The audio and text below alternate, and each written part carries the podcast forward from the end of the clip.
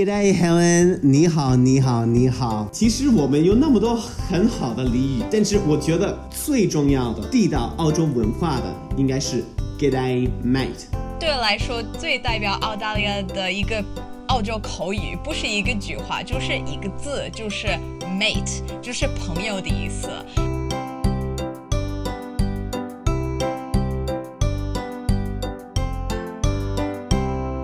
大家好，欢迎收听我们第一期的 Australia Explained，这是 SBS 普通话节目最新推出的一个 podcast 播客系列，帮助您更好的解读澳洲的文化习俗，帮您了解一切关于澳大利亚的有趣知识。我是本期制作人 Helen。听到上面的对话，也许您已经猜到，这一期我们会聊的是澳大利亚俚语。我请我们本期的两位嘉宾 Ben 和 Amy 描述了他们心目中的最能代表澳大利亚文化的一句俚语。他们都不约而同地选中了 “mate” 这个词。等下要听听他们为什么会选择这个词。但是呢，首先还是先让我们认识一下这两位地道的澳洲人。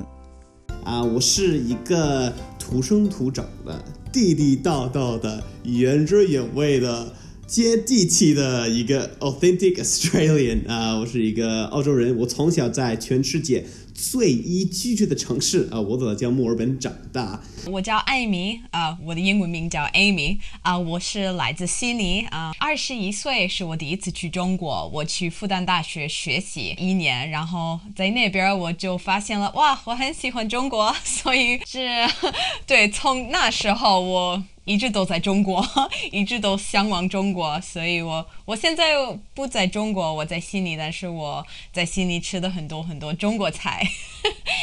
其实 Ben 和 Amy 的母语啊都是英语，也是土生土长的澳大利亚人，他听得出来，他们的中文呢也学得非常的不错。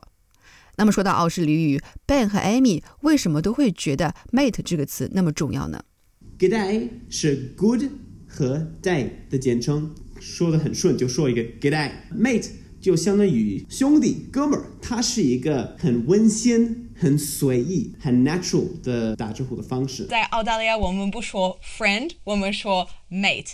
比如说呢，哦，“good day mate”，“hey mate，呃，This is my mate。嗯，对我来说，澳大利亚是一个很友好的国家，所以我觉得这个字就是代表澳大利亚的那种，嗯。对啊，那种感觉。如果一个人叫你他的 mate，这个就是表达他很喜欢你。所以可以说，澳式俚语当中所反映的不光是俚语本身，还有澳大利亚的文化和澳大利亚的人。那说到地地道道的澳式俚语呢，首先不得不提的一个特点就是长话短说。澳洲人在说很多词时候都会极度简约。Ben 和 Amy 就跟我们列举了一些常用的澳式缩略语。Mozzie, Bricky, Barbie, Arvo, Macca's, Macca's 的意思就是 McDonald's，所以在澳大利亚，呃，我们不说 McDonald's 啊，我我们直接说 Macca's。还有一个说法叫 a Macca's Run。a Macca's Run 是什么呢？它是啊，就人去了，可能晚上的时候肚子饿了怎么办呢？你想去麦当劳，那你就要做一个 Macca's Run。那么他们上面提到的这些缩略语分别是什么意思？还有就是澳洲人为什么喜欢缩略语？我们来请艾米给我们解释一下。在澳大利亚，我们把所有很长很长的那个字变短了，因为我们呃不知道怎么说了，不是很懒，就是很 laid back，不知道中文怎么说，laid back，relax 这这种文化。呃，然后第二，嗯，就是 over。嗯，也是差不多的一个概念。Over 就是 afternoon 的意思，下午的意思。所以 Good over，What's up this over？嗯，就这样吧。还有一个叫 Barbie，就是 barbecue 的意思，烧烤的意思。嗯，我们澳大利亚人非常喜欢吃肉，也非常喜欢烧烤啊，像中国一样，澳大利亚人会很喜欢 你用这样的呃口语，觉得很可爱。对我来说，最烦人的一个虫子是蚊子。在澳大利亚，你不叫它 mosquito，直接叫它 mozzie，啊，是最标准的欧洲话。其实，澳大利亚的缩略语还有好多形式，也会有规律可循。除了我们上面说到的一些，包括人民也会习惯缩略成短的昵称。在下期节目当中呢，我们还要继续来讨论。那现在我们再来稍微提高点点难度。关注一些稍微有一些难度的澳式俚语或者是短语。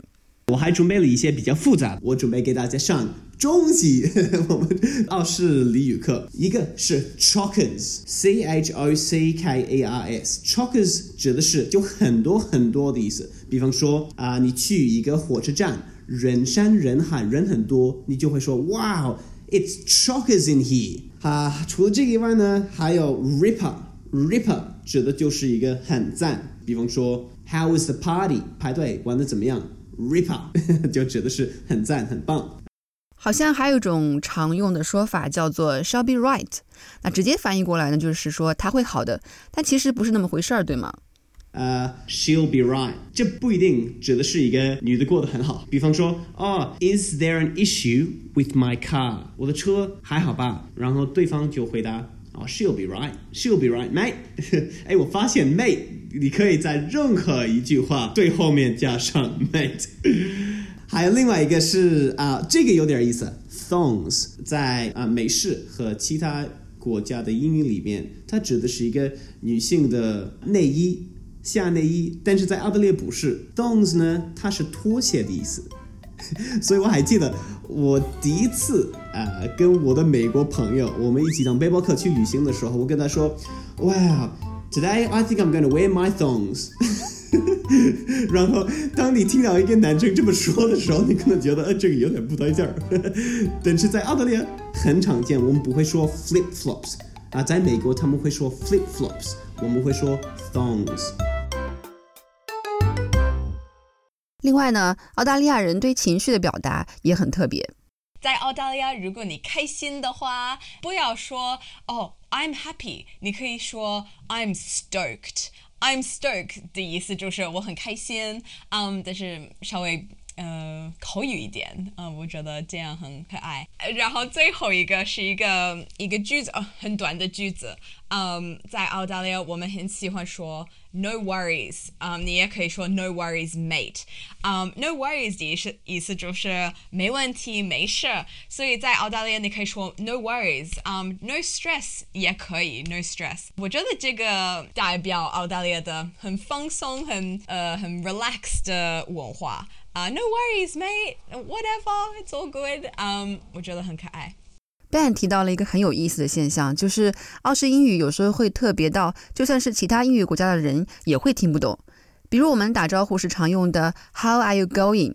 很有意思。我在国外的时候，我的。我的外国朋友们，包括啊美国、英国、中国什么的啊，我跟他们说，Hey，how you going？How's it going？啊，他们不太懂我在问他们什么，他们以为我我在问他们你去哪儿？Where are you going？然后他们回回答的时候就会说，哦，我去图书馆呢，你呢？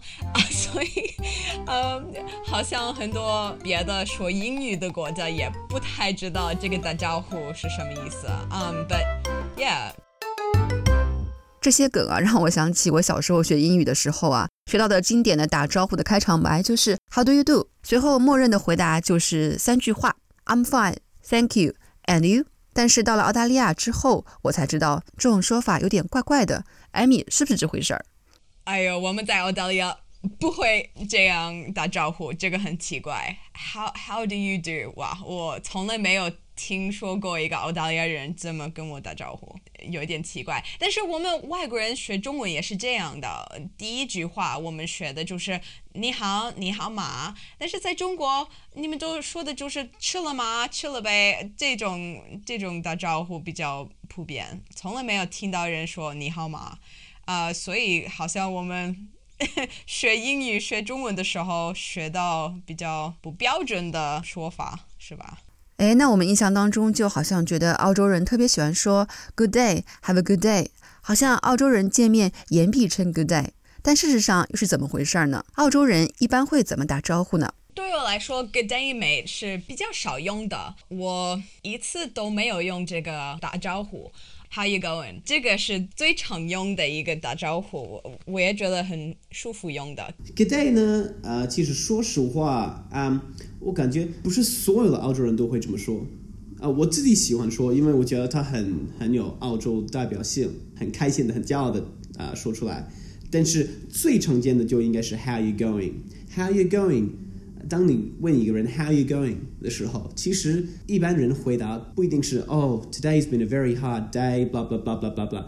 一般来说只会说 Not bad 或者呃 Good thanks，然后会直接说下去。就像以前在英国。啊、我听说英国以前都大家都会问 How's the weather today，对吗？就是今天的天气怎么样？哦、oh,，It's not bad，blah blah blah。或者在啊、中国，很多人就见面的时候会说吃饭了吗？所以 G'day mate，how you going？跟这个有点像。但除了这个以外呢，Hey mate 或者 Hey 或者 Hi，Hello，说实话很少人会这么说，我感觉 Hello 有点太正式了。好啦，本期我们澳式俚语的上集主要分享了常用的澳式俚语，涉及一些常用的缩略语以及澳大利亚人的打招呼的方式。在下集当中，我们还将仔细的去讲解缩略语的规律，以及挑战一些难度更高的澳式俚语。SBS 普通话节目最新推出的 Podcast 播客系列 Australia Explain，帮你更好的解读澳大利亚的文化习俗，帮你了解一切关于澳大利亚的有趣知识。